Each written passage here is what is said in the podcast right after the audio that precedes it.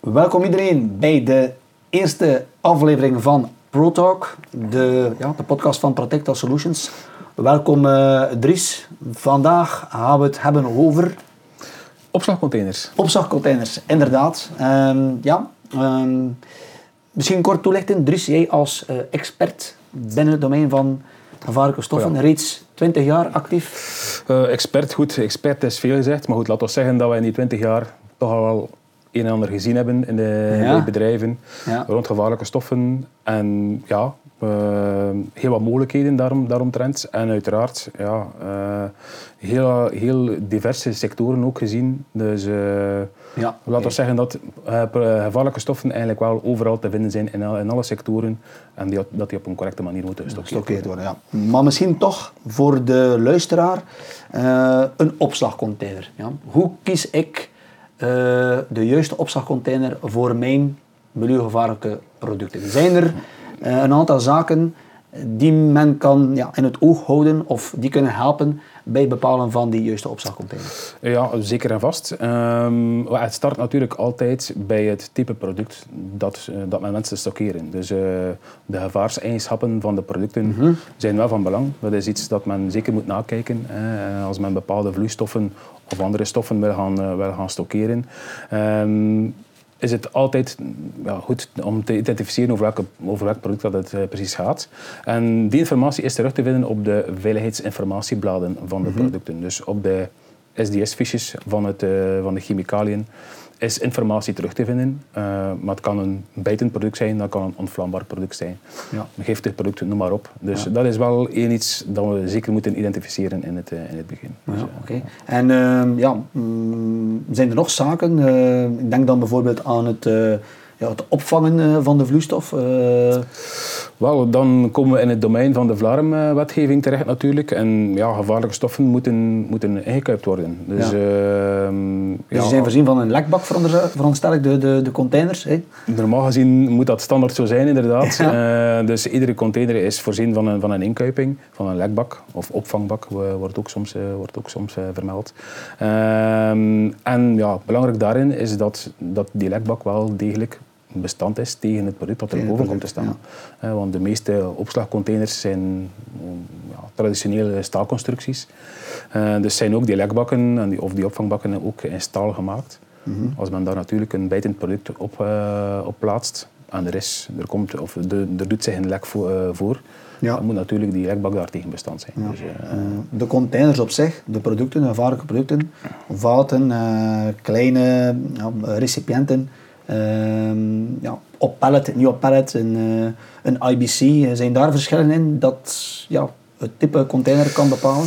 Uh, zeker en vast. Uh, ja, producten die gepalletiseerd zijn, zoals inderdaad klassieke 200 liter vaten die op een pallet staan, of ook ja, een pallet met, met, met kleine recipiënten, ja. of een IBC, die hebben ja, een, altijd een pallet onderaan. en daar kunnen we eigenlijk we spreken over, specifiek over opslagcontainers. En dat zijn ja, containers die eigenlijk specifiek gemaakt zijn om producten met een heftruck eigenlijk in de container te gaan plaatsen. Dat kunnen we op verschillende niveaus gaan doen. Maar klassiek zijn die containers niet betreedbaar door, de persoon, door een persoon zelf. Maar hij is eigenlijk ja, een, we zeggen, een, een, een opslagrek of een opslagconstructie al dan niet in verschillende niveaus waar men pallets kan gaan uh, opstellen. Mm -hmm. En onderaan is dan natuurlijk de opvangbak. Uh, ja. Ik veronderstel dat het uh, opvangvolume dan waarschijnlijk meegaat met ja, het aantal producten dat je stockeert of het volume van het... zeker, ja, de, het totale opslagvolume is van belang. Ja. natuurlijk, het opvangvolume van de lekbak is heel sterk afhankelijk van het type product dat men wil, wil gaan stockeren. Ja. Uh, in zijn, zijn verschillende ja, uh, uitgangspunten daar, uh, op dat gebied. Bijvoorbeeld bij, bij klassieke ja, irriterende stoffen bijvoorbeeld, moet je een opvangvolume hebben van 10% van je totaal. Okay. Maar altijd minimum je grootste recipiënt dat boven die inkuiping staat. Bijvoorbeeld voor een IBC is dat de 1000 liter. Mm -hmm. uh, maar eigenlijk is voor, ja, laten we zeggen, niet ontvlambare stoffen, is het 10% van uw totaal met minimum uw grootste recipiënt. Ja.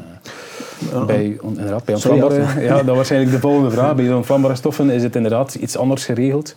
Dus daar gaat het over een, een minimumvolume van 35% van je totaal. Ja. Maar ook, met ook telkens minimum... Dus een hogere lekbak veronderstel ik dan? Dat is inderdaad een, een lekbak met een, ja, een groter volume.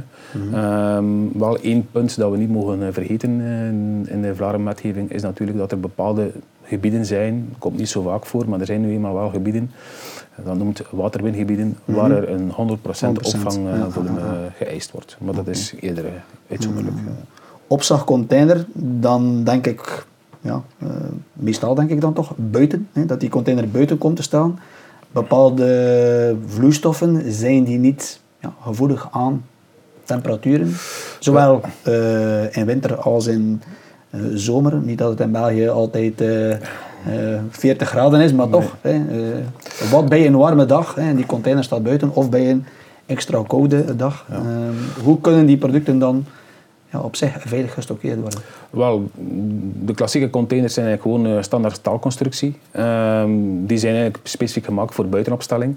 Natuurlijk, zoals Johan heeft, eh, zijn er een aantal producten die ja, vorstgevoelig zijn.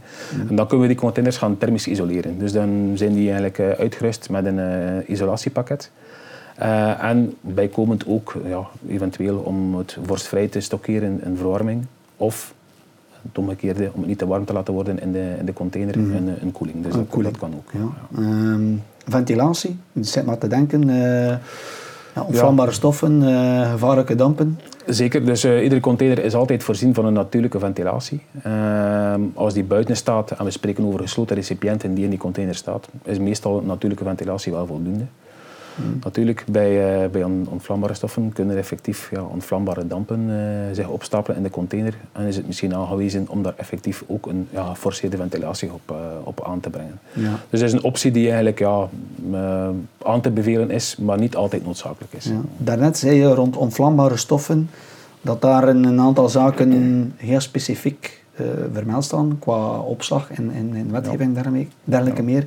Ehm, onvlambare stoffen, kan je die dan in een relatief standaard container stockeren of Ontvlambare stoffen zijn, ja, zijn producten met een laag vlampunt. Dus eh, daar heb je altijd een risico dat daar effectief een explosieve atmosfeer eh, in die container komt.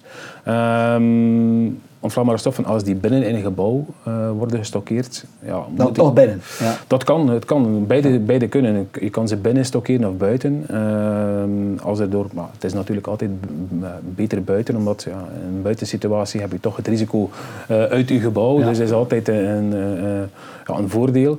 Natuurlijk mm, zijn er soms omstandigheden waar het niet mogelijk is, waar de producten binnen moeten worden gestockeerd. En dan is wel een, ja, een brandwerende opslag eh, Eh, ook buiten uiteindelijk, eh, een brandwerende opslag is, is, is, ja, is ook een verplichting. Zeker als die container dicht bij een gebouw staat. Ehm, Verplichting. Misschien daar eventjes op, eh, op door, doorgaan.